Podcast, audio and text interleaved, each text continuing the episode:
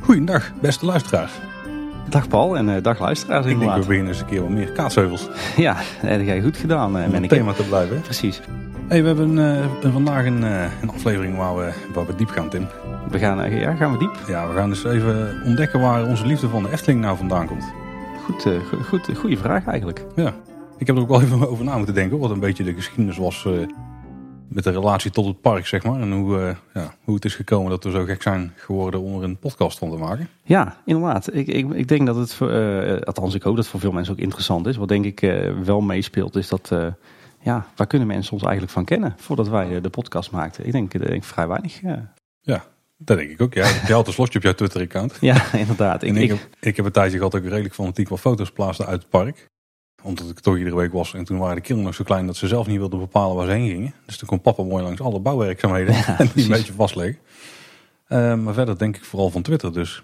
Ja, ik moet zeggen, ik, ken jou ook inderdaad eh, alleen maar van Twitter eh, voordat wij hier begonnen met een podcast maken. En, en ja, in mijn geval, ik ben ooit in eh 2000, 2001 eh, eh, iets of wat actief geweest in de fan community.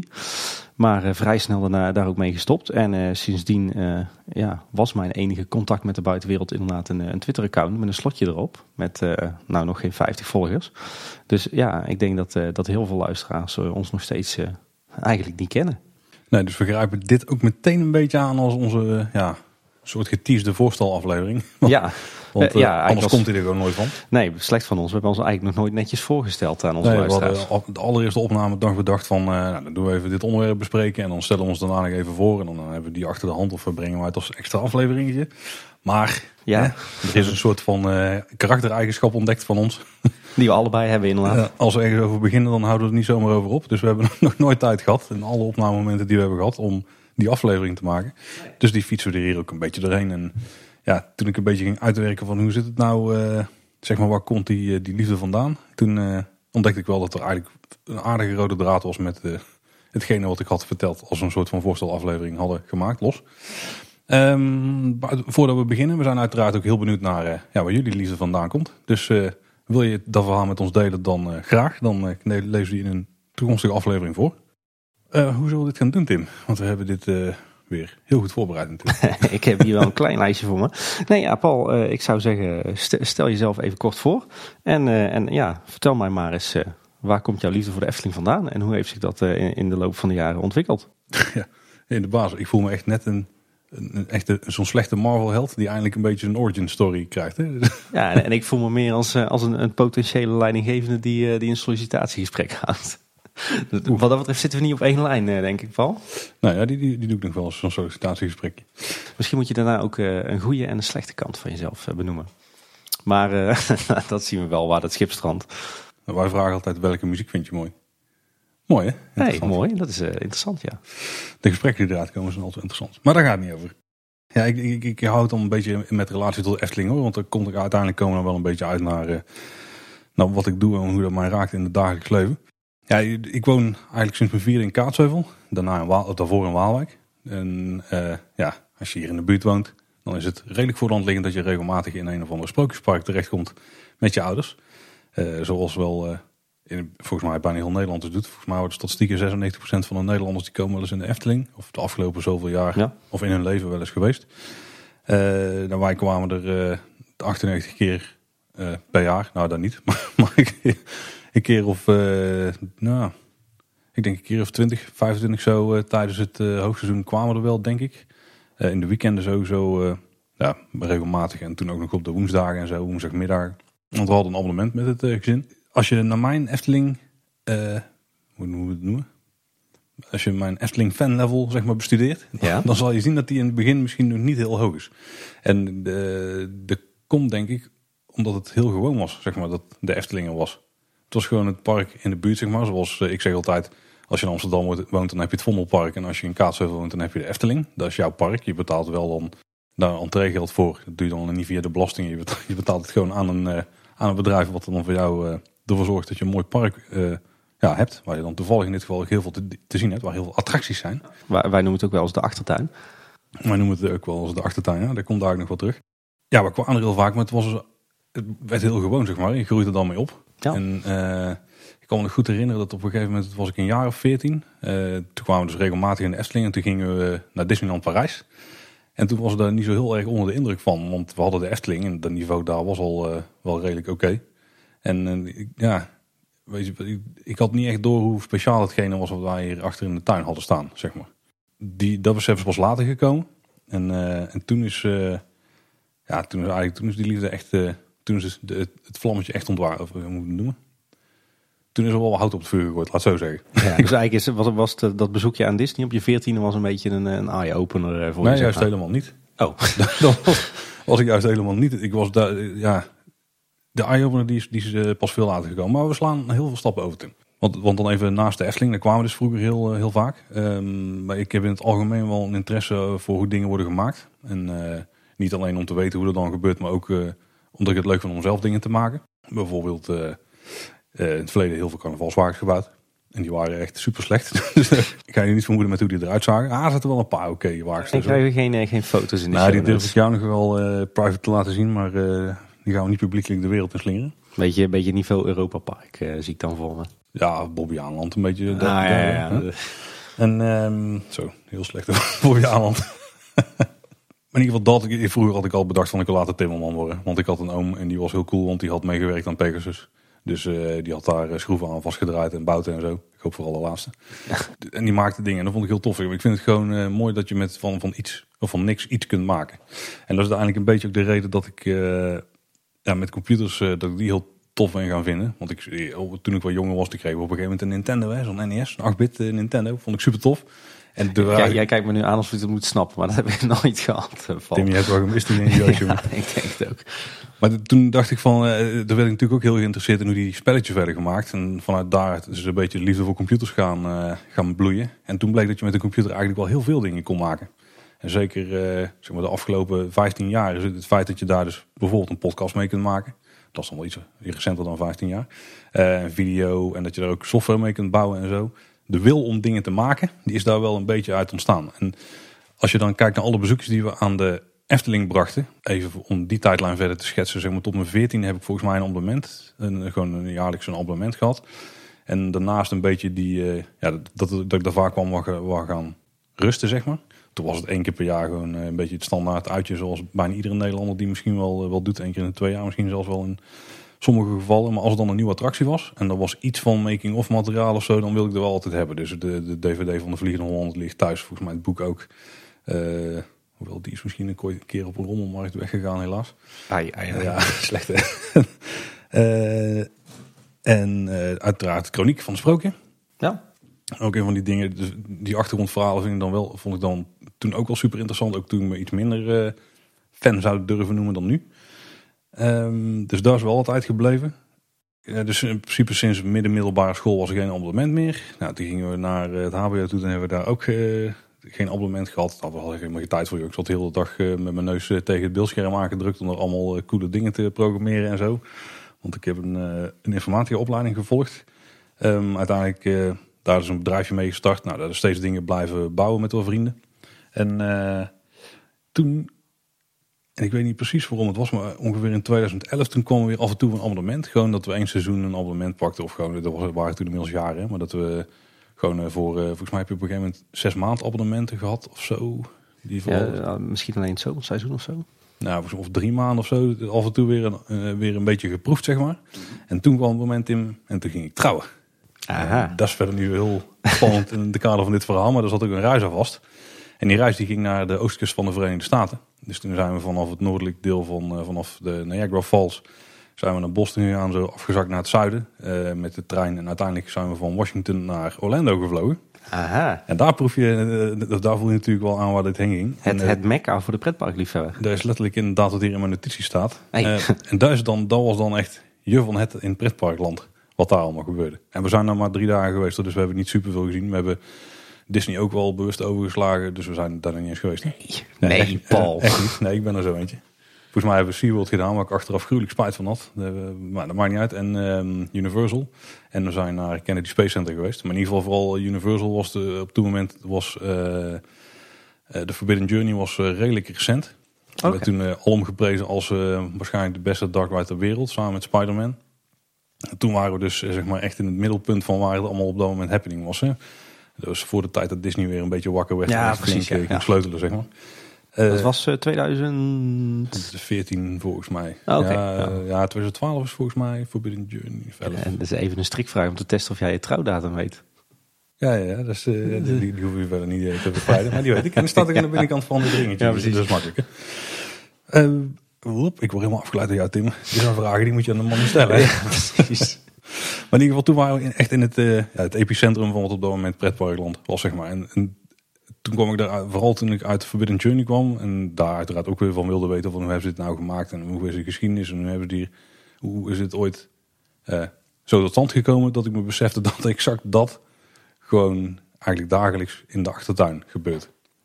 Oké, dus, de- dus dat was die eye-opener. dat was die eh, eye-opener. ja. En toen, eh, toen ben ik er eh, ja, eigenlijk helemaal ingedoken. Toen kwam het besef hoe bijzonder het eigenlijk was dat zoiets als wat ze daar hadden, maar heel de wereld naartoe reist om daar te ervaren wat daar gebeurt, zeg maar. Ja, dat wij daar gewoon niet ook om de hoek hebben.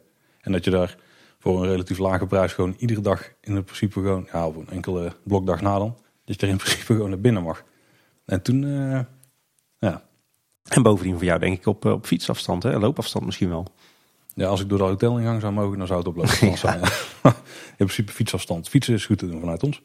En eh, nou, misschien moet ik voor nu eventjes bij dit laten en eerst jou dadelijk aan het woord laten. Voordat, voordat het weer een, eh, een A-B aflevering wordt. Ehm, maar dat is eh, een beetje echt wanneer de, de vlam bij mij ja, volle bak is aangegaan, zeg maar.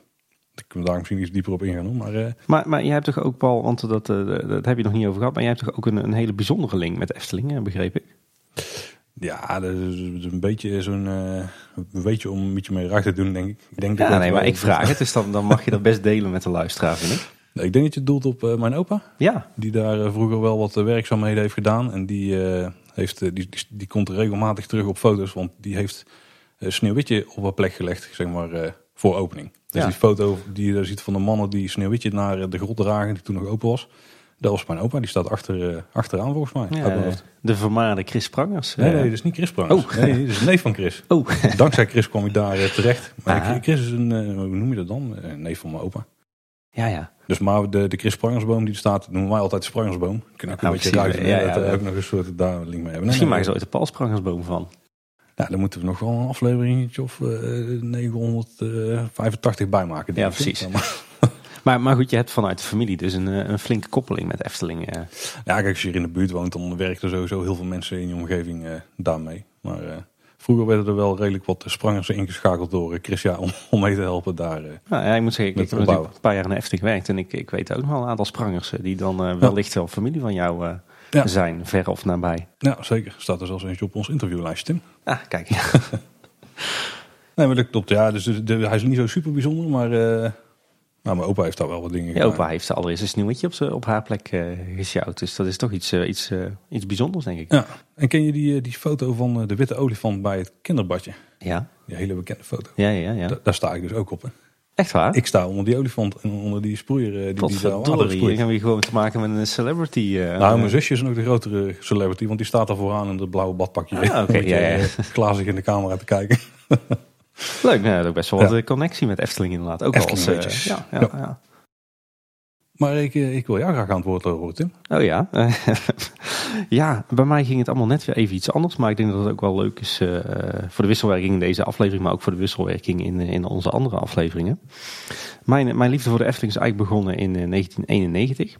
Eh, toen was ik vijf jaar oud. Waarom weet ik dat nog zo goed? Eh, niet omdat ik zo'n fantastisch geheugen heb. Maar eh, omdat ik altijd al mijn Efteling abonnementen heb, heb bewaard. Ik kan zeggen, dit, weet je, dit, dit wist ik. Ja, Dat heb ik van ooit al eerder gezegd, ja. Maar, maar wij woonden overigens toen niet in, in Kaatsheuvel. Ik ben geboren en getogen in, in Tilburg. Dus ik ben echt kruikenzeiker. Alhoewel ik niks met carnaval heb, maar goed. En, en inmiddels woon ik alweer een jaar of negen, geloof ik, in, in Kaatsheuvel. Eh, maar goed, gebo- geboren en getogen Tilburg. Dus in die zin eh, niet, niet direct qua locatie aan de Efteling verbonden. Maar eh, ja, 1991 was ik vijf jaar oud. Kreeg ik mijn eerste abonnement cadeau op de Efteling van, van mijn opa. En eigenlijk heb ik ja, van mijn vijfde tot mijn, tot mijn twaalfde, dertiende, veertiende ben ik met mijn opa naar de Efteling gegaan. Wekelijks, iedere dinsdag. En ik denk dat er geen enkele week is geweest dat we niet zijn geweest. Nou ja, dat, dat waren hele mooie jaren. Sowieso in de algemene zin natuurlijk waar ik hele goede herinneringen aan heb. Maar Ik denk trouwens dat er wel hele winters waren dat jullie niet zijn geweest. ja, precies. Toen was het inderdaad nog eh, de, de laatste zondag van oktober de laatste dag en uh, Witte Donderdag weer de eerste dag. Maar wa- waar ik mezelf nu achteraf gezien heel gelukkig ook mee prijs is dat ik die jaren negentig eh, zo bewust heb meegemaakt. Je hoort toch vaak eh, Efteling-liefhebbers die, eh, die, dat begint allemaal een beetje zo tussen 1998 en, en 2002. Eh, ja, in jouw geval... eh, Nee, ik kan me nog wel inderdaad heel bewust herinneren dat er rond de tijd dat Vogel ook open ging. Dat, wij toen, eh, dat ik toen abonnement had en dat ik heel vaak met mijn neven en zo naar het park ging. nou, Dan was het gewoon iedere woensdagmiddag gingen we vaak daar naartoe. Ja, precies. Volgens mij zijn we Vogel ook is het door de week open gegaan volgens mij. Ja, dat zou wel, dat zou wel kunnen, ja. En voor, dat was denk ik seizoensopening. dus ik kan Ja, me nog wel Witte, herinneren witte dat er daar... eh, Nee, de Vogelrok is Witte Donderdag open gegaan trouwens. Dat weet ik 100% zeker. nou, volgens mij zijn we dan die vrijdag of zo gegaan. Dat we daar eh, bij de laserstralen eh, in de wachtrij flink hebben staan zwaaien om eens te kijken wat die nou allemaal deden. Ja, maar ja, eigenlijk de, de jaren 90 dus heel goed meegekregen. Dus ik ben echt nog, ik heb echt nog herinneringen aan de oude ingang West, aan, aan de, de, de opening van Droomvlucht die niet doorging, aan dat, dat eerste jaar dat je daar in de, in de binnenwachtrij de making-of kon zien. Herinneringen aan, eh, aan, aan ja, de, de oude paden- en lanenstructuur, dus waar er nog geen Pardoespromenade en Brink was. Ehm, ja, eh, de, de bouw van Villa Volta, ik, ik, de bouw van Vogelrok. Ik, eh, ik kan me dat allemaal nog heel, heel levendig voorstellen. Dus eh, toen zag de Efteling er toch heel anders uit dan nu. Ik heb altijd nog zo'n beeld in mijn hoofd van dat je spookslot uit komt lopen. Dus eh, aan de kant van de ingang, zeg maar. Dat je Ja. eigenlijk onder die... eh, eh, dat je van het pleintje afloopt. Dus richting het noorden. Ja, richting het Westerpark, zeg maar. Als Ja, we dan toch dan even teruggaan in de jaren 90 in. Dat je daar dan zo'n bochtje had met zo'n prieeltje Ja, klopt. Ja, Ja, ja, daar vond ik altijd een heel mooi stukje voor. En dan, dan had je op een gegeven moment, dan liep je door en dan had je aan je rechterhand had je een asfaltpaadje. Dat ging dan eh slingerde door het bos en het kwam uit op het oude circusveld. Ja? En, eh, de, en vervolgens liep je nog verder door als je daar niet ingang en, in ging. En dan kwam je uit zeg maar, bij het diorama. Ja, maar ja, en een deel van het paadje ligt Ja. nog steeds eh, naast, de, naast Polskeuken. Maar goed, we, we dwalen af. Maar inderdaad, is, eh, de- dus eigenlijk vanaf 1991 eh, eh, eh, sowieso één keer per week met, eh, met mijn grootvader naar de Efteling. Eh, op een gegeven moment kregen mijn, eh, mijn broertje, eh, mijn moeder abonnementen. Eh, dan gingen we dan ook vaak mee in het weekend naar de Efteling. Eh, dus ja, eigenlijk eh, jarenlang eh, twee, drie keer per week naar de Efteling geweest. Groot, groot liefhebber op dat moment ook. Begonnen met de Efteling-verzameling. Ja, dus je had wel meteen door hoe bijzonder het was. ja, ja, eigenlijk wel. ja. viel. Ja, ik, ik, moet zeggen, dat was, ik ging er gelijk vol in. Ook, ook natuurlijk proberen om alle kennis te vergaren over hoe het allemaal zat. Kranten, knipsels, tv-uitzendingen. in de winter fotoboekjes doorneuzen en plattegronden doorneuzen. En ja, dat was meteen, ik was meteen groot, groot liefhebber. Ja, die plattegronden die heb ik gemist, want die moest je toen nog kopen. Ja, ja precies. Daarom had ik er eigenlijk geen volgens mij zelfs. En we kennen het park redelijk goed natuurlijk. Dus was het ook niet echt nodig, maar daar baal ik wel. Als ik af en toe zit, zie, vind ik ze nog op internet en dan zit ik ook weer heel flink uit, te- uit te zoeken van hoe liep het ook alweer. En die beelden die ik in mijn hoofd heb van, passen die ook ergens op die plattegrond nog? Ja, precies. Ja, ja ik, ik ging vroeger heel goed op die plattegronden inderdaad. Ja, ik ben eh, ook echt een plattegrond eh fetish heb ik wel. Ja, precies. Nou ja, zo dus inderdaad, eh, ja, ja, pak een beetje zeg maar de, de eerste eh, tien jaar van mijn Efteling hobby eh, doorgebracht. Met name met, met mijn opa dus en met, met, met, met het gezin. Ehm, rond het jaar pff, 2000 denk ik, was ik een jaartje of 14, toen kwam het internet op. Kregen we thuis ook internet en toen, toen kwam ik voor het eerst in aanraking met andere Efteling liefhebbers. Eerst met Twinkelchat, daarna met het Wondere Wereldweb van Erwin Taats en Wonderchat. Er was toen nog een mailinglist. Daar ben ik lid van geworden. Ben ik vrij druk gaan, eh, driftig gaan posten. Eh, onder andere verantwoordelijk geweest voor eh, het ontstaan van eh, de punten TR en, en de, de gevleugelde uitspraak Efteling doe er wat aan. Ook op een gegeven moment mensen gaan, gaan meeten. Dat was toen best een dingetje, want ik was toen pas 14 en dat Mhm. waren toch vaak twintigers. En, en zo eigenlijk heel veel, heel veel liefhebbers leren kennen. Toen de tijd was, was de Efteling fan community eigenlijk nog één grote, ja, één grote groep, één grote pot nat. Onder de vlag van Wonderchat. En je ziet eigenlijk dat, eh, dat, dat, dat, die grote groep mensen die toen nog samen op Wonderchat zat eh, en ook meedeed aan allerlei meetings, ik geloof dat die in 2001 eh, er waren, die is later allemaal uiteengevallen. En daar, Eftelist komt daar nu vandaan, het, het team achter FTpedia het WWCW, het team achter de Vijf Zintuigen, de mensen achter Team Park, de mensen achter Loopings. Dat was toen allemaal nog Ja. één grote liefhebbersgroep. En daar maakte ik ook deel van uit. Eh, eh, ik, ging eigenlijk toen, eh, bij wijze van spreken, alle weekenddagen naar de Efteling en alle vakantiedagen dat ik mijn tijd had.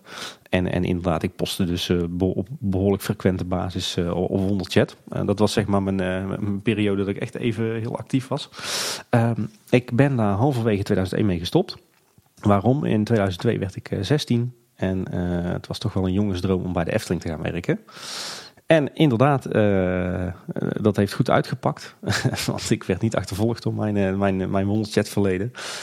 Ik ben in 2002 bij de Efteling in dienst getreden. in eerste instantie drie jaar lang als vakantiekracht. Heb daarbij gewerkt op wat ze toen nog maar Rijk 3 noemden. Dus Smulpaap en Anton Pieckplein, Lavelaar en de verschillende horeca daar. Inspirerende naam hadden ze toen. Ja, ja, ja het is voor mij nog steeds Mare 3 en Mare 5. maar goed, ja, eigenlijk daar, daar van 2000 2002 tot 2005 uh, uh, volle bak aan het werk geweest. Met name op de, op de smulpaap. Dus ik heb de, de oude smul, de nieuwe smul en de tijdelijke smul heb ik alle drie uh, nog, nog achter de frietpannen gestaan. De oude smul, die kan ik me goed herinneren. Ja, ja, ja, daar heb ik ook nog een jaartje gewerkt. En uh, als ik erover praat, dan krijg ik die, die geur van frietvet en, uh, en kleffe bami schijven weer in mijn neus. Maar echt een, echt een fantastische tijd gehad. Achter, achteraf bezien echt, echt, een, echt een fantastische tijd van, van mijn leven. Vaak één weekenddag werken en de andere weekenddag met, met vrienden en collega's het park in. En in de vakantie vijf dagen werken en, en de andere twee dagen het park in. Dus dat was vaak uh, ja, zeven dagen per week Efteling in vakantieperiodes. Um, uh, maar, maar inderdaad ook, ook bijvoorbeeld op, uh, bij Lavelaar, op het Lavelaar gewerkt. bij de draaimolens gestaan. de Horendes Overvloed was echt mijn, mijn vaste plekje. De Zoete Inval, het Suikerhuis. dat waren allemaal plekjes waar ik, waar ik heb mogen werken. Um, in die tijd ook heel veel nieuwe vrienden opgedaan. Vrienden die ik nog steeds heb. Ook mijn, mijn huidige vrouw leren kennen. In het Marenrijk ook. dus ja, dat was een hele, een hele drukke, turbulente tijd. Waarin ik ja, zowel heb mogen genieten van het, het, zijn van Efteling vakantiekracht. Als, als nog steeds groot Efteling liefhebber. ik ben toen op een gegeven moment... Um, eventjes gestopt met, uh, met mijn opleiding, omdat ik uh, een foute keuze heb gemaakt. De, toen heb ik de kans gekregen om een tijdje vast bij de Efteling te werken. Ben ik verhuisd binnen het Marenrijk en, en, ben ik in eerste instantie op het personeelsrestaurant gaan werken. En daarna op Mare 1, wat het toen nog was. Uh, nog zo inspirerend. Ja, precies. Volgens mij is het, werkt het al lang niet meer zo, maar dat was, uh, was Stoomcarousel en Sprookjesbos. Nou, dat was dat, als je het dan toch over jongensdromen hebt die uitkomen, was dat, uh, dat zeker. de aflevering van favoriete plekjes. Ja, precies. Nee, echt, de, het was echt schitterend, moet ik zeggen, om als vaste medewerker op die attracties te mogen staan. heel veel rondjes gemaakt op de, op de, de Stoomcarousel en natuurlijk ook heel veel rondjes op het Sprookjesbos gelopen. Maar vooral, ja uh, het ochtends opstarten, het, het, bijhouden van de treintjes in diorama, het, het repareren van het waterorgel, het, smeren van de stoomcarousel, het, het onderhouden van, van de sprookjes aan de binnen- en buitenkant. Ja, dat was, dat was echt zo'n eervolle baan. Daar, ja, schitterend. En toen, toen, in de loop van 2005 werd ik op een gegeven moment gevraagd van... joh, kan je niet eens meehelpen met, met het kopiëren van tekeningen... was het geloof ik toen voor de bouw van de Vliegende Hollander. Omdat ik toch een bouwkundige achtergrond had. daar natuurlijk ja op gezegd. En uh, ja, toen brak er toch anderhalf jaar aan, uh, waarvan ik achteraf misschien wel zeg, dat was het hoogtepunt van mijn carrière. misschien een beetje sneu. sneu als je bedenkt dat ik toen, uh, hoe oud was ik toen? 19, 20 jaar. En inmiddels, en dat was het hoogtepunt van mijn carrière. Nee, toen heb ik ja, zeg maar anderhalf, twee jaar mogen meedraaien in het, het projectteam van, voor de bouw van de Vliegende Hollander. Ja. En, en kwam, kwam, er, kwam er weer een jongensdroom uit, namelijk het te mogen meewerken aan de bouw van een attractie. Dat wou ik net zeggen, ja. Dat is inderdaad wel iets waar heel veel fans uh, licht Nou, en dat was echt, ik kan daar niet te veel van vertellen natuurlijk, maar dat was echt een ongelooflijk toffe tijd. Heel hard werken, heel hard buffelen. dan neem je je werk zeker, zeker mee naar huis. Ehm, maar met liefde. Uh, met, een heel, met, een heel fijn projectteam werken aan iets, iets ontzettend moois. En, en natuurlijk ging lang niet altijd alles goed. Uh, en dat doet dan ook echt pijn. Als je daar met, met zo'n club uh, betrokken medewerkers bij bezig bent. Maar, maar een ontzettend mooie tijd gehad. Veel geleerd ook. En, ja. en ja. nog steeds niet beu geraakt. Het nee, nee, ja. Heel de Efteling. Nee, nee, nee, zeker niet. Nou, dat, dat was ook wel echt een beetje de, toen het hoogtepunt hoor. In die zin dat ik toen werkdagen had van, van 14 uur soms. En dan in het weekend vaak nog twee weekenddagen het park in ging. Dat was eigenlijk achteraf bezien wel een beetje te, te veel van het goede. Ik ben op een gegeven moment ook gestopt, eind 2006. Uh, ja, er was gewoon even geen ruimte meer voor mij uh, binnen, dat, uh, binnen dat team. Ik ben toen aan een andere studie begonnen. Daarover misschien later meer. En toen heeft bij mij mijn, mijn Efteling liefhebberij ook wel even op een lager pitje gestaan. Ik, heb wel altijd, ik ben toen wel op het moment dat ik stopte als medewerker bij de Efteling... heb ik wel meteen weer een abonnement gekocht. Dat, het voelde toch niet goed om daar, om daar een, überhaupt een paar dagen tussen te laten zitten. En, en eigenlijk sinds, sinds 2007 weer gewoon abonnementhouder. In de tussentijd is ook naar Kaatsheuvel verhuisd. Uh, eerst uh, in, in, een huis wat ik op uh, vijf minuten loopafstand van de Efteling woonde. Inmiddels is het, zijn we verhuisd. En is het nou ja, twee kwartiertjes, twintig minuutjes lopen geworden en vijf minuutjes fietsen. En eigenlijk ja, sindsdien ook weer gewoon volop liefhebber. eerst een aantal jaren waarin ik druk was, bezig was met, met studie en, en carrière, stond dat op een wat lager pitje. In de zin dat het ja, niet, meer, niet meer standaard iedere week. Wel één of meerdere keren per maand. En in het zomerseizoen natuurlijk wel iedere week. Maar ja, dan moet je je voorstellen een keertje of dertig per jaar eh, dat je naar de Efteling ging. En, en de laatste jaren is dat eh, steeds meer toegenomen weer. En, en zeker nu we, nu getrouwd zijn en inmiddels ook een kindje hebben, is dat weer in, ja, in volle vaart toegenomen. Dat komt heel bekend voor, ja. En, en ja, nu, nu zitten we toch wel op een keer of 70 per jaar. Maar dat komt natuurlijk ook omdat je, hè, je woont in Kaatsheuvel, je hebt een kleintje, je gaat wat makkelijker is op zondag of ook gewoon door de week op je, je vrije dag met die kleine even naar de Efteling of, of even naar Bosrijk of even naar het Loonse Land. Maar ja, de, de afgelopen paar jaar is die, die liefde voor de Efteling eh, ja, die liefde voor de Efteling is eigenlijk nooit weg geweest. Maar, maar is, is ook de bezoekfrequentie weer enorm toegenomen.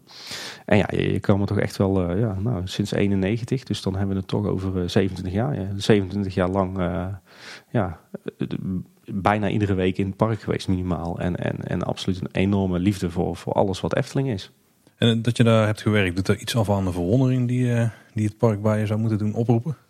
Uh, ja en nee. Uh, in die, de jaren dat ik bij de Efteling werkte natuurlijk wel. Dan, dan ervaar je het park toch anders. En, en, en zeker als je op een gegeven moment als vaste medewerker werkt. Of, of, absoluut op het moment dat je, eh, net als ik toen bij de, bij de technische en, ontwerpafdeling zit. Dan, ja, dan achter iedere steen, achter iedere balk zit een verhaal.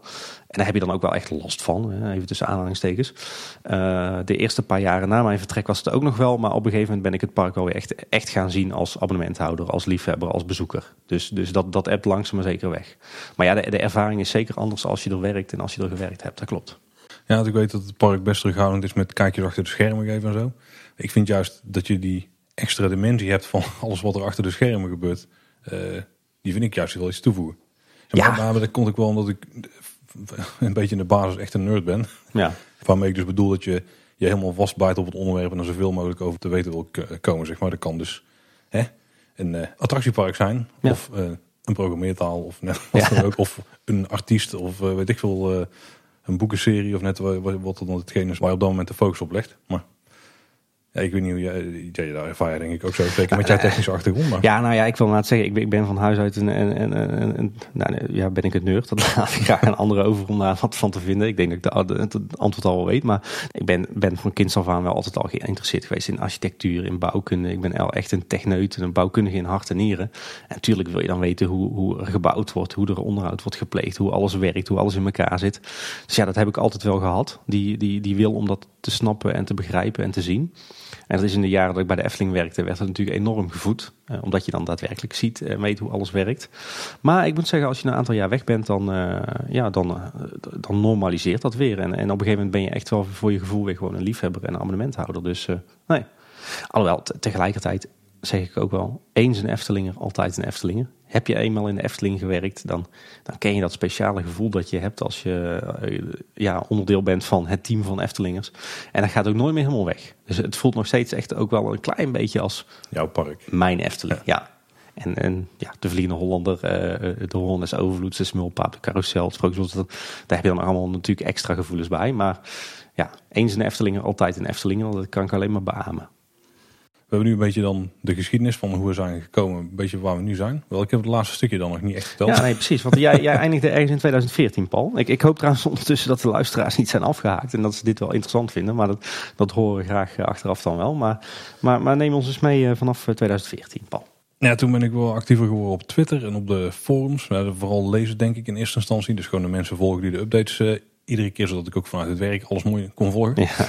Um, uiteindelijk kwam ik er dus zelf ook steeds vaker. Vooral toen we een kleine kregen. Uh, in de aanloop daar naartoe, toen hebben we denk een paar maanden geen abonnement gehad. Omdat mijn toen was je, toen was je druk met iets, mocht. Oh, toen was je druk met iets anders bezig. Nee, dat was echt Wij gingen heel vaak s'avonds gewoon uh, na het werk nog. Vooral in de zomerperiode. Want dan waren de wachtrijen overal heel kort. En dan konden we nog vier, vijf achtbaanritjes maken. En dan, hadden we, en dan gingen we wat eten en hadden we prima... Uh, begin van de avondbesteding gehad. Maar op een gegeven moment... Dat is heel herkenbaar inderdaad. Als je klein in de buik hebt, dan mag je niet meer overal. Nee. Maar sinds dat die kleiner er, er was toen... Uh, volgens mij was mijn, is mijn vrouw Even snel uitrekenen. eh, die is 21 dagen na de geboorte van eh, dochter eh, was die jarig. En toen heeft ze een abonnement gehad. En ik ook. en die hebben we nooit meer stopgezet. En dat abonnement heeft ze van jou gehad? Of, Ja, eh? die, ja, nou ja, dat is Heel- dezelfde portemonnee. heel, heel strategisch plan. Nee, ze heeft hem van dochter gehad. Ah. Zodat ze mee Ja, kon naar het park. Ja, maar het was vooral zodat papa iedere week eigenlijk eh mooi naar het park kon. Ja, precies. Ja, vanaf het moment dat je een beetje met de andere fans in aanraking komt, dat is denk ik wat jij eh, op jongere leeftijd had. Ja. En dan is het ook zo'n vlammetje wat alleen maar wordt eh, aangewakkerd. Hè? Ja, Dus, ja, ja, dat is zeker. Klopt. Dus toen is het wel echt begonnen. Toen, ik, ik luisterde al veel podcasts, om het dan even hier aan vast te knopen. Mhm. Eh, die gingen in eerste instantie veel over games. Eh, maar op een gegeven moment had ik door van, hey, iedere interesse die je cool vindt, daar is wel iets van te vinden. Maar er was niet echt iets over de Efteling te vinden. Er was wel een, eh, een andere podcast te vinden, Ochtend de Pretparkland. hey, die kennen we. Zo komt iedereen een beetje binnen in deze wereld, denk ik, in onze sferen. Ja, dus die wel gaan luisteren. Want dat was een van de weinige dingen die af en toe Efteling, de Efteling behandelde. Maar toen wel redelijk snel eh, het gevoel gehad van, er moet er toch wel eentje zijn of komen. Er was wel een Wonderwachter podcast volgens mij, maar dat zegt maar niks, nee. nou, dat was vooral op YouTube. Dus dat was een beetje een vreemde manier om die eh, binnen te krijgen voor zover ik kon vinden. Eigenlijk al best wel lang geleden het plan, gehad om er eens een keer iets mee te doen, maar nog nooit een stap genomen om er ook echt, eh, echt iets mee te doen. Totdat wij een keer aan de praat raakten. En ik, ik toevallig al een interviewtje had opgenomen, maar Eind eh, 2017 was dat geloof ik, hè? ja, dat drie maanden geleden. Ja, ja. Spectaculair lang, maar dat valt allemaal mee. Ja, ja, wij volgden elkaar al een tijdje op Twitter inderdaad. Eh, en ik geloof dat jij, dat, dat op een gegeven moment hadden wij een discussie over Strookrijk was dat toen geloof ik, hè? Ja, en, ja. En toen riep ik gekscherend is vannacht, dan zou je een podcast over kunnen maken. en toen mailde ik terug van, goh, daar heb ik toevallig al het materiaal voor aangeschaft. Omdat ik dat plan al wel langer had. Alleen ik heb nog geen, eh, Ja, ik heb nog niemand om geen maatje. Dus eh daar moeten we maar eens een keer over praten. En Nou. ja, daar zal dit verhaal uitkomen. De rest rollen. is geschiedenis, ja. En we, we, we hebben nu een beetje dan de geschiedenis wel eh, van hoe wij zijn gekomen aangehaald. Maar waarom we echt, waarom het nou juist de Efteling is waar we onszelf zo in hebben vastgebeten, dat hebben we nog niet echt aangehaald, denk ik. Wat is de reden waarom, waarom er dan überhaupt voor de Efteling zo'n liefde ontstaat en niet voor Walibi of eh, ja, noem andere parken in de buurt? Ja, ja dat, dat- daar kan je misschien hele ingewikkelde analyses voor op loslaten. Maar in mijn geval is het gewoon zo dat ik vanaf mijn vijfde wekelijks mee naar de Efteling werd genomen. En dan, dan groeit die liefde haast automatisch. En Ja, maar ik kwam ook vanaf mijn vijfde iedere zes maanden bij de tandarts. Maar daar kom ik steeds niet graag hoor. ja, dat is waar. Ja, goeie vraag. Ik heb er eigenlijk nog niet eens over nagedacht. En dat is hetgene waar we nu een beetje op moeten gaan inzoomen. Ik, ik denk dat ik het namelijk wel weet. Nou, doe, doe ze, doe ze een, een, een gooitje daarna. Kijk, in de basis is het, is het een heel makkelijk antwoord. Hè? Het is kwalitatief gewoon een heel hoogstaand park. Nou, Dus het is een, een hele hoogstaande eh, bron, ja, bron van entertainment eigenlijk. En daar heb ik dan als nerd is dat iets om jezelf heel makkelijk aan vast te klampen. Als iets gewoon kwalitatief goed in elkaar steekt, dan eh, heb ik daar respect voor.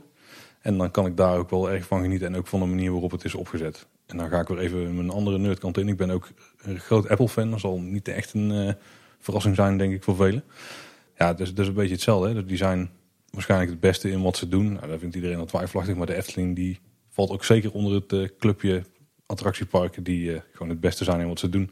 En het feit dat dat hier dan om de, om de hoek zit, maakt het wel extra bijzonder. En dat geeft wel, ja, zeg maar, er zijn allemaal bonuspunten. nou, Ik denk als ik, ik denk niet dat ik als ik in eh, Flevoland had gewoond, dat ik dan regelmatig, ja, dat is slecht geholpen omdat de buurt van Walibi ligt. Maar eh, stel in Drenthe of zo had gewoond, dat ik dan, eh, dan had ik de Efteling wel net zo gerespecteerd als nu, maar dan was ik denk niet zo'n groot fan geweest als ik nu ben. ja, ja, ja, ik kan me wel voorstellen dat het beide wel een rol speelt. Ja, ja. ja ik moet zeggen, ik kan er, ik kan er, het is bij jou een, een heel rationeel steekhoudend verhaal. Ik, ik, Maar kan ik heb ook wel iets meer de, gevoelige kant ervan. Ja, ja, ja. Als in, als in, ik ben ook iemand die het wel kan waarderen als, als iemand origineel is. Is ook een van de redenen waarom ik Europa Park iets eh, lager inschaal in mijn, eh, in mijn top, eh, ja, net wat het is, pretparken. ja. Ja, de manier waarop ze bij de Efteling dingen aanpakken, die doen het ook wel vaak bewust om origineel te zijn. Inderdaad, er zijn een paar missers, zoals een, eh een carnaval festival. Want dat was natuurlijk een, een, nou, niet een één op één kopie. Daar hebben ze dan eigenlijk als nog best wel origineel weggezet. Maar oké, een heel ander verhaal. Maar als je kijkt naar Fata Morgana is misschien wel een goed voorbeeld. Ze wilden een attractie ja, waardoor je langs die scènes ging met, denk, met een bepaalde sfeer. Zoals die bij Pirates of the Caribbean hing. Dat is ook wat eh Mari vertelde eh, Ja, tijdens ja. zijn interview. Maar de manier waarop ze dat dan aanpakken doen ze wel echt op een eigen manier. En dat zijn dingen die kan ik wel waarderen. De copycats, daar heb ik niet zo heel veel mee. Zoals de Alibaba in eh Walibi België volgens ja, mij. ja. Dus eh dat kan ik heel erg waarderen. Het feit dat ze dingen vaak smaakvol aanpakken, kan ik ook heel erg waarderen. Dat gewoon het, eh, het respect voor de ontwerper, de, de, ja, daar voel je gewoon op heel veel plekken in het park. Ja, daar, daar, daar word ik heel blij van. Zeg maar. Ja. Daar- zijn weer allemaal plussen op, het, ja, op iets wat toch wel heel goed was. Wat objectief goed was, zeg maar. Maar wat de subjectief gewoon allemaal, eh, ja, allemaal de extra beetje geeft waardoor ik, eh, waardoor ik fan ben. Ja, Punt. ja, Het is eruit. Ja, nou, het- leuk om te horen, Paul. Dat is echt voor mij inderdaad wel nieuw, want zo heb ik er zelf eigenlijk nooit echt naar gekeken. Maar ik vind het in ieder geval leuk om nou te weten waar jouw eh, liefde voor de Efteling eigenlijk van, vandaan komt. Ik, ik kan het alleen maar volmondig met je eens zijn. Hè. De Efteling is inderdaad gewoon een, een draait mij in de Europese top qua pretparken. Maar ik kan er een heel mooi verhaal van houden. Maar ja, ik kan er bij mijzelf mm, ja, eigenlijk niet anders eh, dan eerlijk over zijn dat ik eh, er echt in ben gegroeid. Hè, wat ik zeg, vanaf jonge leeftijd meegenomen naar de Efteling. eh, eigenlijk nooit een, week geweest dat ik er niet kwam. Ja, dan ontwikkel je toch een soort van voorliefde voor Efteling. Op een gegeven moment ga je er werken. Je gaat er op een gegeven moment vastwerken. Je, je maakt er, er vrienden. die ik, die ja, eigenlijk nog altijd nog steeds heb. Eh, je leert je vrouw kennen. Ehm, ja, eh, je groeit er wat dat betreft helemaal in. Dus voor mij is de Efteling altijd een soort van ja, ja, spil in mijn leven geweest. En ik denk eh, dat het eerder andersom is. Dat ik, waar het bij mij heel erg begon met Efteling, dat ik, dat ik juist in de loop der jaren toch wel veel diversere interesses heb gekregen. Die soms dan wel met Efteling te maken hadden. Of eigenlijk altijd daar wel eh, de- hun oorsprong vonden. Maar mijn, eh, mijn blik is steeds breder geworden. Maar het, eh, het begon bij mij, eh, ja, eigenlijk het, het draaide allemaal om Efteling. Ik had eh, op de basisschool denk ik eh, school en Efteling. En kan wel raden waar je spreekbeurt over ging. ja, inderdaad. en eh, en dat, dat is het natuurlijk in de loop der jaren al veel breder geworden, eh, wat ik al zei. Eh, maar nog steeds, ik denk dat eh, dat zo'n beetje mijn hele vriendengroep, eh, en die is gelukkig, eh, gelukkig eh, ja, best groot, maar dat, dat daar zo'n beetje iedereen daarin nog steeds iets met, eh, met Efteling te maken heeft. Niet, niet, meer, nu, niet meer altijd, eh, eh, dat zijn niet meer mensen die nu nog altijd eh, bij de Efteling werken of, of, bij, of een Efteling abonnement hebben, maar die daar wel hun oorsprong in vinden. Dus eh, ja, zo mijn liefde voor de Efteling is eigenlijk gewoon een, eh, ja, altijd een vaststaand feit geweest. En, en heeft zich gewoon in de loop der jaren ontwikkeld. Het is wel interessant wat je aanhaalt, ja, want eh, dat is bij mij een stuk minder, zeg maar, dat de vriendengroep zo'n binding met het park heeft. Ik bedoel, er zijn wel echt een paar fans zo tussen, of in de vriendengroep, maar eh, ik, denk niet eh, eh, zoals bij jou zeg maar. Ja, Ik kom, ik kom altijd heel veel bekenden tegen in het park. Gewoon mensen van school. ik heb heel, heel veel in de scouting gedaan hier in de buurt altijd. Ik, daar, daar is mijn vriendengroep voornamelijk uit ontstaan. ja, ja. Nou, die mensen die komen er ook altijd tegen. Ja. Maar echt, ja, zeg maar, ja, ik heb, ik heb één vriend die volgt al de bouw echt heel goed. Brent, als je luistert, je bent goed bezig, jongen. maar voor de, voor de rest, Hoi, Brent. valt- ja, voor de rest valt het heel erg tegen. wel mensen die, die op, op de verjaardagen wel erover beginnen. Het is wel een gesprek wat altijd ter sprake komt. ja, ja, Dus het dat kan haast ook niet anders. iets waar je hier in de buurt gewoon niet echt onderuit komt. Nee. Maar echt wat jij hebt, dat je door je vriendengroepen er continu naartoe getrokken wordt, dat is bij mij dan niet. Dus, eh, Ja, nee, ik moet, ik moet een beetje nuanceren. hè. Ik denk als je naar mijn, mijn huidige vrienden eh, samen kijkt, dat is niet echt één groep, maar dat zijn allerhande mensen. Dan is ongeveer de helft stamt een beetje uit die eh, de jaren 2000, 2001, hè, de tijd van de wondermeetings. Toen hebben wij elkaar allemaal leren kennen en daar zijn natuurlijk in de loop der jaren mensen afgevallen. En, een, en een ander belangrijk deel zijn mensen die, die in het verleden bij, bij de Efteling hebben gewerkt, vaak in het Marenrijk, dat nu al lang niet meer werken, maar die we daarvan kennen.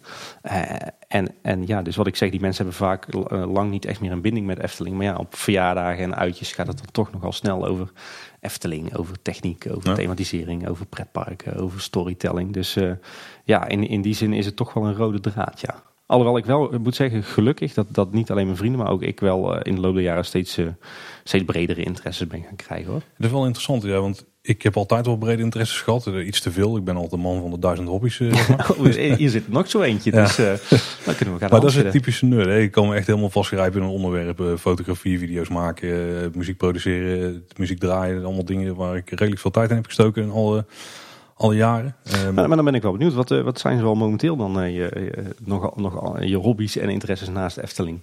Doe er maar Nee. geen duizend. maar- Nee, Apple is wel een groot interesse. Dat is gewoon eh, waar ik dagelijks het nieuws van volg. Eh, fotografie zit er ook nog wel redelijk in. Al is dat vooral in de familiesfeer en video's maken en zo.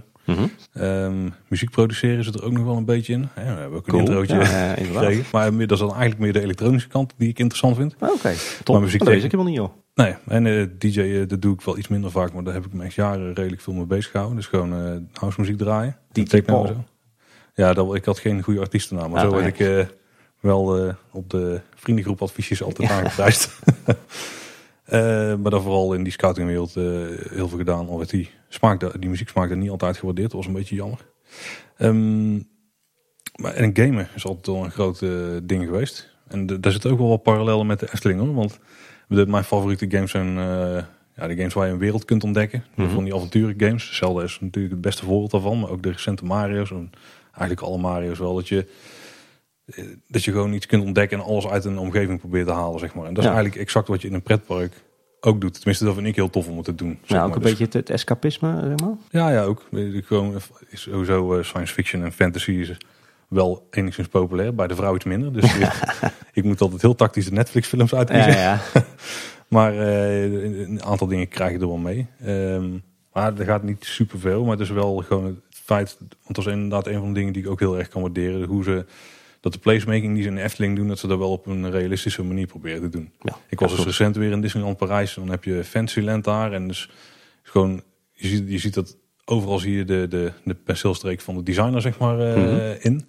Alleen daar is het allemaal op zo'n manier aangezet dat het iets meer naar het cartooneske hangt. En niet naar het... Niet, dat je niet het idee hebt van dit staat hier al jaren. Wat je bij het Sprookjesbos wel op heel veel plekken hebt. En eigenlijk bij alles wat Anton Pieck en eh Tom van der Ven... Ja, Tom van der Ven misschien iets in mindere mate. Maar wat in het algemeen wel bij heel het park, zeg maar... De, de, hangt, de sfeertje hangt gewoon van dit had hier altijd al kunnen staan. Ja, dat is heel goed weet- organisch gegroeid ook. Hè? Dat is ook nou, dan, dan niet alleen. Ook gewoon dat de gebouwtjes op zich gewoon bewust op die manier zijn, Ja. ja. zijn eh vormgegeven. Ja, ja, dat ken ik wel. Ja, En, ehm, ja, dat vind ik ook gewoon heel tof. En dan als je dus weer terugtrekt naar de games, dat je dus door, door die omgeving erheen kunt lopen en daar ook alles kunt uithalen. Dus al die details, dat dat, dat allemaal kleine stukjes entertainment zijn, zeg maar. Ja. En dat je, ja, je hebt dus, ja, ja, ik kan het niet super goed onder woorden brengen, maar je voelt, je proeft denk ik wel een beetje Ja. wat ik bedoel. Ja. En, en, en voor mij, want ik heb zelf echt helemaal niks met games. Ja. Eh, eh, het een, de enige game die ik ooit heb gespeeld is Rollercoaster Tycoon. Maar ik ga ervan uit dat jij daar dan ook heel lekker op ging, op eh, Rollercoaster Nee. Tycoon. Nee, Oh, maar dat was vooral omdat daar zo voor mijn gevoel zoveel beperkingen op zaten van de dingen die ik interessant vond. oké. Want ik ben wel al sinds jongs af aan een attractie-idee aan het uittekenen en zo. Ja, ja. ja, dat merk ik ook wel. Sinds ik jou leren ik kennen. ooit Dan, een hele ja. coole Sinterklaas eh, ride heb bedacht voor in de Efteling. Maar dat sloeg achteraf natuurlijk totaal nergens op. Want toen was ik zes of zo. Want toen was Ja, dat mijn grote held natuurlijk. Ik denk dat dit toch ook wel een, eh, een, een gemene deler is. Want ik, tegenwoordig doe ik niks meer met tekenen. Maar ik heb als, als kind en ook als tiener echt, eh, ging, was ik echt dol op het uittekenen van, Ja. eh, van allerhande zaken. Ja, dat klopt. Dat was zeker een van mijn duizend hobby's toen ik heel klein was. Herkenbaar. ik heb er daarnaast nog heel veel gehad hoor. Maar eh, ja. Nee, nu is het wel, eh, wat ik in het begin al zei. Met de computer kun je zoveel. En ik zit heel de dag achter de computer. Want ik eh, heb met een paar vrienden ben ik ooit een bedrijf begonnen. Toen nog op het hbo zaten. Met, eh, waarbij we wel websites bouwden. En van het een komt het ander. En van het ander komt het een. En er komt weer iets anders van. En uiteindelijk bouwen we nu software en apps voor in de zorg. Voornamelijk. Zo. De, met een clubje in Rosmalen. En ehm, ja, wat je met de computer kunt. Dus dat je daar in principe dus een heel bedrijf mee kunt runnen. Mhm. Dat, dat je alles kunt maken wat wij doen, zeg maar. En dat je daarnaast dus ook nog al die muziekdingen, die videodingen, die visuele dingen. Dat je met een iPad en een pennetje attracties kunt ontwerpen, zeg maar gewoon vanuit je luie stoel. Er zijn dingen die ik meestal op vakantie doe trouwens. gewoon als een beetje Ja. hè, brain dump, eh, zeg maar. Ja, gewoon, eh, dat vind ik heel tof. Dus ja, Ja, dingen maken, daar is het leuk. Ja. wel een beetje mee begonnen. Denk Ja. ik. En de interesse daarvoor van hoe, hoe mensen dat doen. Ja, nou, tof om te horen. Ja, heel anders dan, eh, dan bij mij, maar leuk om te weten. Ja. We hebben toch een beetje het voorstellen doorheen gesnikt. ja, precies. Ja, bij mij is dat toch wel, eh, eh, toch wel iets anders. Ik heb, eh, dat heb je al gemerkt, ik heb weinig met, met, eh, met eh, moderne techniek en gadgets en ICT en computers, et cetera. Maar eh, ja, ook, ook eh, zeker tegenwoordig eh, vo- volop interesse buiten de Efteling om. Kijk, die, die liefde voor de Efteling, die, die, die is er altijd al geweest en die staat nog steeds al in huis. Maar daarnaast heb ik ook wel een, eh, een voorliefde voor pretparken in de algemene zin. Eh, ik probeer altijd wel een beetje de, de, de pretparken in Nederland, België, Duitsland eh, de, eh, toch wel iedere 1, 2 jaar te bezoeken. Dat, dat staat nu even op een laag pitje natuurlijk, nu de kleine er is, maar Mhm. de- de- dat komt wel weer terug. En, en verder ook gewoon als we wat verder op reis gaan, ook altijd wel even een, een pretpark mee te pikken. Ja, en je volgt natuurlijk de pretparkwereld op internet, in podcasts. eh, je hebt ook echt grote interesse in, in teaming, in storytelling. Dus, dus je koopt boeken, je, je leest boeken over het onderwerp, je kijkt documentaires erover. Dus, dus ik ga ook echt wel eh, lekker op de, op de pretparkwereld, zeg maar. Ik heb zo'nzelfde voorliefde voor dierentuinen. Ik, ik denk zelfs dat ik, eh, dat ik over de wereld ehm, meer dierentuinen heb gezien dan pretparken. Dat weet ik eigenlijk wel zeker. Dat is ook niet zo moeilijk, want in Nederland zijn er ook veel meer bijvoorbeeld Ja, dan ik, pretparken. ik denk dat ik in Nederland eh, dat er toch zeker een tiental dierentuinen is dat ik ieder jaar wel bezoek. Ook abonnementhouder bij de Beekse Bergen, ook veel te vinden. In, Ja, ik denk dat de afgelopen jaren, zeker met kinderen, dan is Ja. dat zo makkelijk uitje. Ik denk dat ik er ook een stuk of acht heb Ja. gehad de afgelopen twee jaar. Ja, ik denk, nou, ik denk dat, de, dat je bij mij gerust kunt stellen dat mijn, mijn voorliefde voor pretparken in het algemeen eigenlijk net zo groot is als mijn voorliefde voor dierentuinen. Dus dat, dat is bij mij ook zeker iets waar ik een hele grote interesse in heb. Nee, ik, dus vind ik, ik vind dierentuinen persoonlijk iets minder, omdat de placemaking en zo daar anders is. Dan M is daar dan probeert dat wel Daar ben ik doen. het echt volledig mee oneens. Maar daar moeten we misschien een keer in een andere aflevering Daar zouden we afleveringen van moeten. Maar het is meer, dat, dat is dan ook meer de escapisme waar je Ja, ja, hebt. ja. Nou, dat, Dat- is in veel dierentuinen tegenwoordig wel echt een stuk eh, beter. eh. Want daar is af en toe nog eventjes een, een, een, eh, een kleine rant mogen doen. Ja. We hadden het net over fantasy en zo. En dat vind ik allemaal heel tof hoor. Alleen, ik, dat vind ik ook wel fijn aan de Efteling. Dat ze je daar niet kapot gooien met eh, de standaard fantasy figuren. Nee, uit een beetje de D&D-wereld. Met Ja. de, de orks en de, en de trollen. Ja, die hebben natuurlijk wel. Maar niet de standaard eh, de dwarfs en zo. Nee, dat klopt. ik zo suf van. Maar bij Efteling pakken ze het leuk aan. Hè? En als droomlicht is dan allemaal een stuk origineler. Een stuk originele figuren. Ook weer de originaliteit die dan kan waarderen. Dus eh, even om dat dan uit te hebben. Nee, da- da- daar, hoe komen we nou bij de, vanuit dierentuinen? Nee, dus jij groot liefhebber van Efteling, van, van pretparken in de algemene zin en, eh, en, en dierentuinen. Eh, ook groot interesse in musea. Niet zozeer in kunstmusea, maar wel in, in zeg maar, de belevingsmusea. Dus de historische musea. Maar bijvoorbeeld ook het Openluchtmuseum, Spoorwegmuseum, dat soort musea. Verder ben ik een groot natuurliefhebber. Eh, dat heb ik ook al meer dan eens eh, gezegd. Dus ik ben heel, heel veel te vinden in de natuurgebieden hier in, eh, in de regio. Te voet of, of op de fiets of met de camera. Er zitten allemaal raakvlakken met de Efteling. Hè? Ja, ja, Ja. tot nu toe wel. Hè. Ook absoluut een enorme liefhebber van het reizen. Ja. Ehm, richt me daarbij tot op heden vooral op Europa. Ik ben de- toch wel redelijk fan van, eh, van Groot-Brittannië, maar met name van Scandinavië. Ik wou net zeggen, is het Groot-Brittannië de eerste die je noemt? Nee, het is vooral heel veel in Scandinavië te vinden, maar, maar ook wel andere plekken, mooie plekken op de hele op de wereld gezien. En, en ik probeer dan altijd om, om en, en heel veel natuur te zien, maar ook heel veel cultuur, heel veel steden. eh, en natuurlijk her en der ook eens een keer een pretparkje en, een- en een dierentuin. Dus, dus ja, heel veel plezier ook in reizen. Eh, en verder ja, eh, ook vanuit, vanuit werk natuurlijk, maar ook, ook heel erg geïnteresseerd in architectuur, in, in, in de bouwkunde. ehm, eh, geïnteresseerd in, in, muziek. Ga graag naar concerten of festivals. Ja, eigenlijk heel breed. Dus ja, veel, veel hobby's en liefhebberijen, maar die vaak toch met, met Efteling te maken hebben. Ja, ik ben wel een beetje op het punt dat ik nu echt moet gaan kiezen, zeg maar, waar ik mijn eh, focus, mijn interessefocus een beetje op, eh, op leg. Ja, ik heb net wel wat dingen verteld over mijn werk, Tim. Maar eh, wat doe je eigenlijk in het dagelijks leven? Volgens mij niet helemaal allemaal bekend bij de luisteraars, maar om het even compleet te maken, het plaatje. Ja, ik, ik heb dus inderdaad een aantal jaar bij de Efteling gewerkt. Ik dacht vroeger altijd dat ik architect wilde worden als kind. Dat was mijn droomwens. En dan vooral natuurlijk Efteling architect. Ja, ik en Timmerman, dat is ook helemaal goed gekomen. Ja, precies, inderdaad, ja. Ik geloof dat ik dan nog dichter bij in de buurt ben geëindigd dan jij. Ja, dat is beter. Nee, ik wil dat architect worden. Ik, ben ook, ik heb zelfs nog even op de TU Delft gezeten, maar eh, al vrij snel erachter gekomen dat het hem echt niet werd. Veel te zweverig voor mij. Ik heb toen natuurlijk een aantal jaar in Efteling meegedraaid eh, met de realisatie van projecten. En toen kwam ik er eigenlijk achter van, ja, ik ben wel heel erg, eh, heel erg geïnteresseerd eh, in, in die bouwwereld en die projecten, maar dan meer in, in de aansturing daarvan. Dus ik ben na mijn tijd bij de Efteling bouwtechnische bedrijfskunde gaan, eh, gaan studeren. Eh, daarna bij wat eh, bouwbedrijven en adviesbureaus gewerkt. Maar al vrij snel ja, ging het toch weer kriebelen. En, en werd ik bij het adviesbureau waar ik werkte, werd ik gevraagd om met name de, de leisureprojecten te gaan doen. Dus ik ben dan toen druk bezig geweest met het, eh, met het, met het voorbereiden van allerhande eh, renovaties en, en bouwwerkzaamheden in eh, ja, vrije tijdsbedrijven. Ik ben er uiteindelijk op, op afgestudeerd. Ik heb onderzoek gedaan naar, naar de vraag van wat is nou de impact van, van, ja, van verbouwingen, van onderhoud, van, van grote renovaties op de exploitatie. Bij bijvoorbeeld grote winkelbedrijven, supermarkten, maar ook dierentuinen, musea, pretparken, vakantieparken. Dus ik heb daar ook bij heel veel mooie bedrijven een kijkje in de keuken kunnen krijgen. Eh, dus, dus eigenlijk alweer vrij snel na mijn vertrek bij de Efteling toch eh, die link tussen, bouw en onderhoud en, eh, en, en de leisurewereld opgepakt. Ehm, nou ja, via een opdracht bij het adviesbureau uiteindelijk bij Ahoy terechtgekomen in Rotterdam.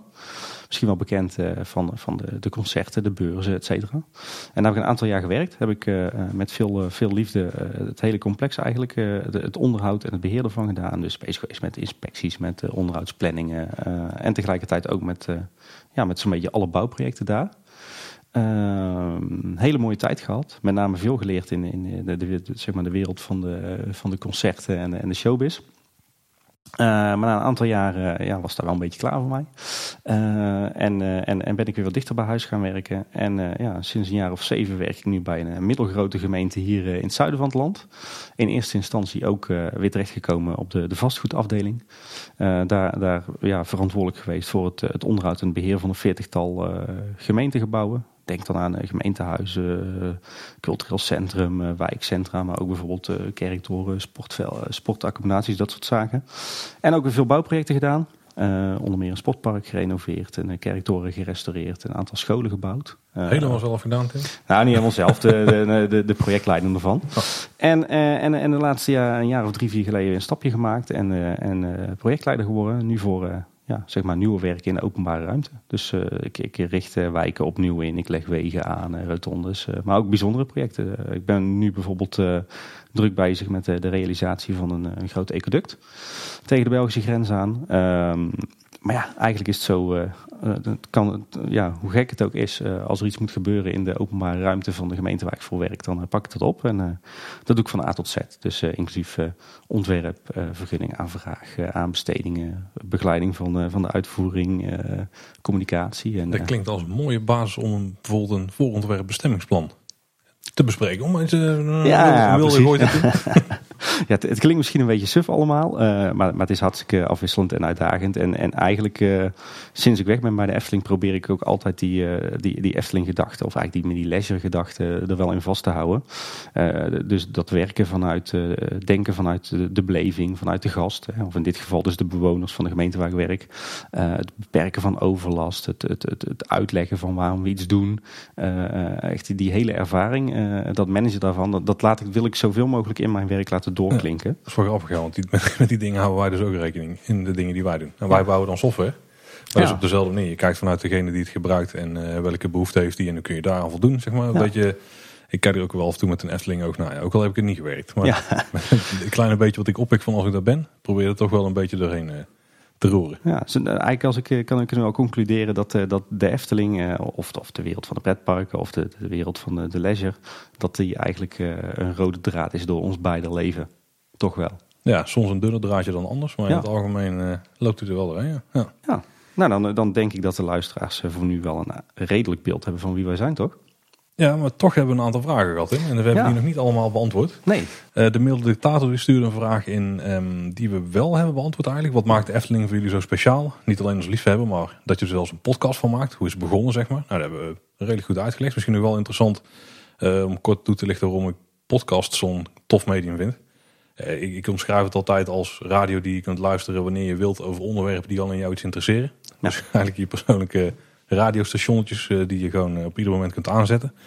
En uh, ja, de, de, toch wel een beetje de binding die je krijgt met degene die de podcast maken. Dat vond ik zelf altijd wel heel sterk, zeg maar.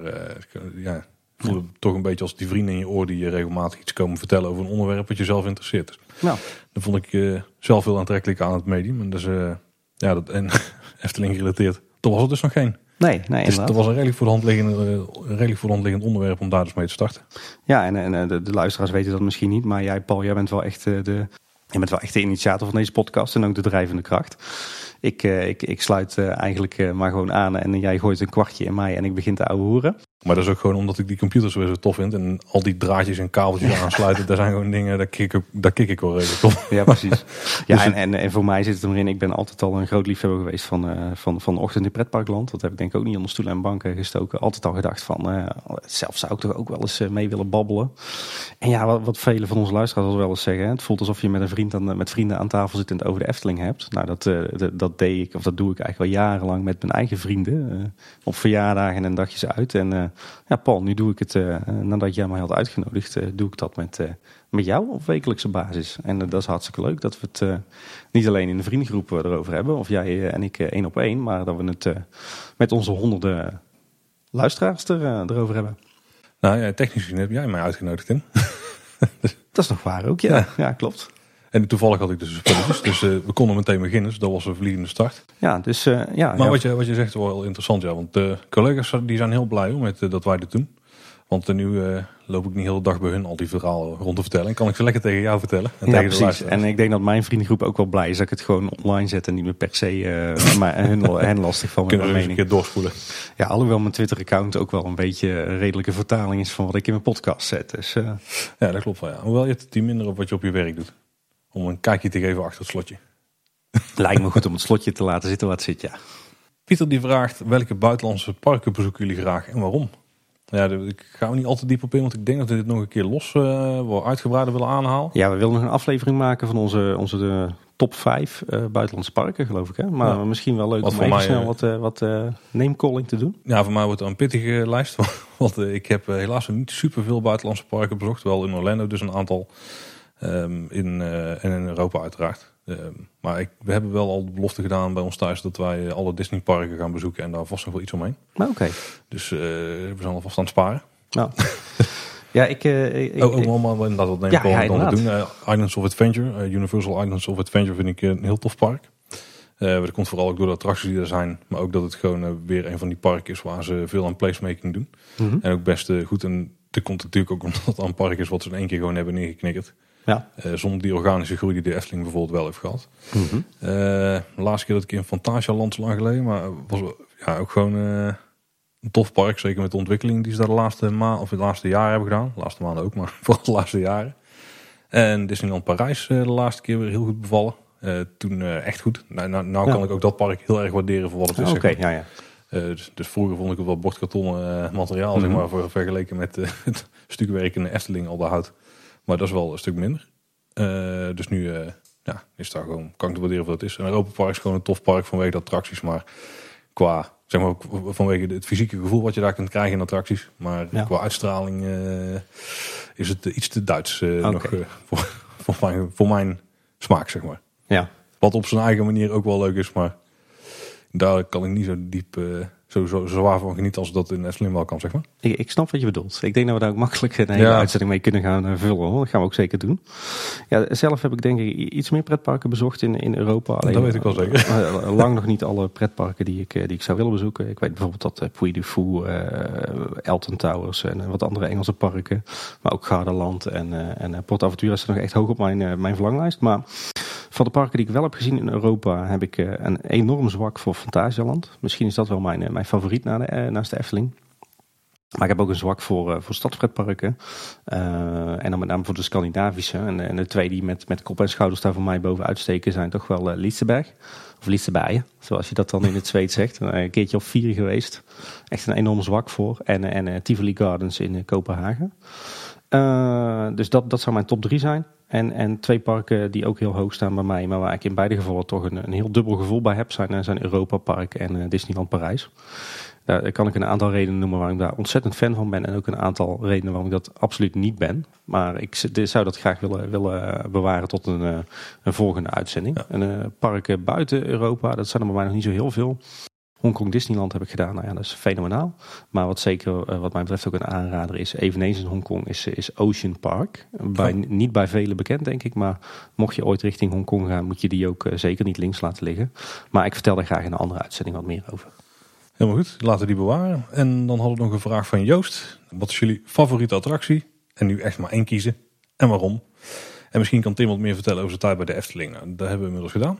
Ja, ik denk dat ik al best veel verteld heb over mijn tijd bij de Efteling. Uh, ik, ik zou er een, een heel dik boek over kunnen schrijven en kunnen verfilmen. Maar ik zal daar niet veel meer over vertellen dan wat ik nu al heb gedaan. Om de simpele reden dat dat ik dat niet netjes vind. Als je in de Efteling hebt gewerkt en je gaat daar weg, dan, dan, dan hang je niet de vuile was buiten, zo gezegd. Uh, je tekent natuurlijk ook gewoon een geheimhoudingsverklaring. Maar even los daarvan vind ik dat, zou ik dat niet ziek vinden naar de Efteling... als ik een eh, boekje open zou doen over mijn, uh, mijn jaren in de Efteling.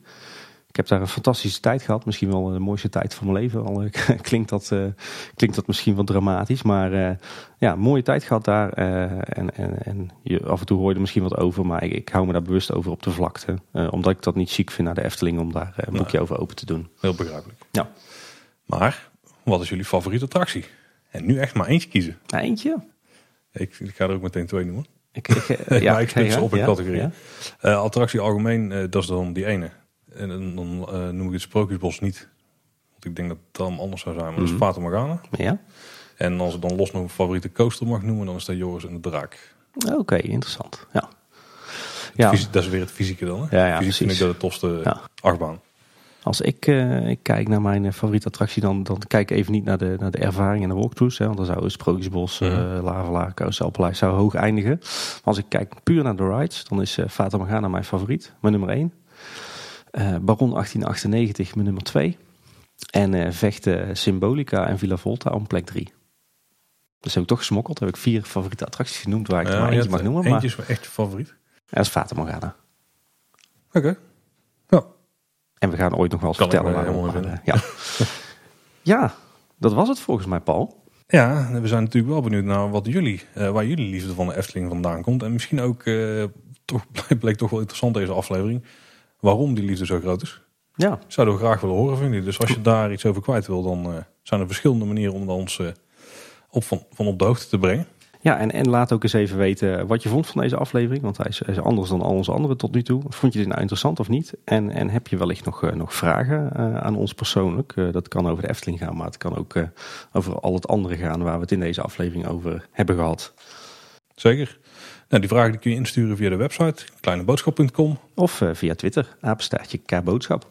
En als je ons volgt, we proberen je in bijna alle gevallen terug te volgen. Dus dan kun je mooi ook eh, direct eh, of een pri- een privébericht sturen. Dus kun je ook daar gebruik van maken. Kun je iets meer in kwijt dan in, eh, in een normaal tweetje. Ja. Dat was hij wel, Tim. Ja, Dus eh, ik denk dat de luisteraars ons volgende week weer horen. hè? ja, precies. Tot volgende week. Houdoe hè.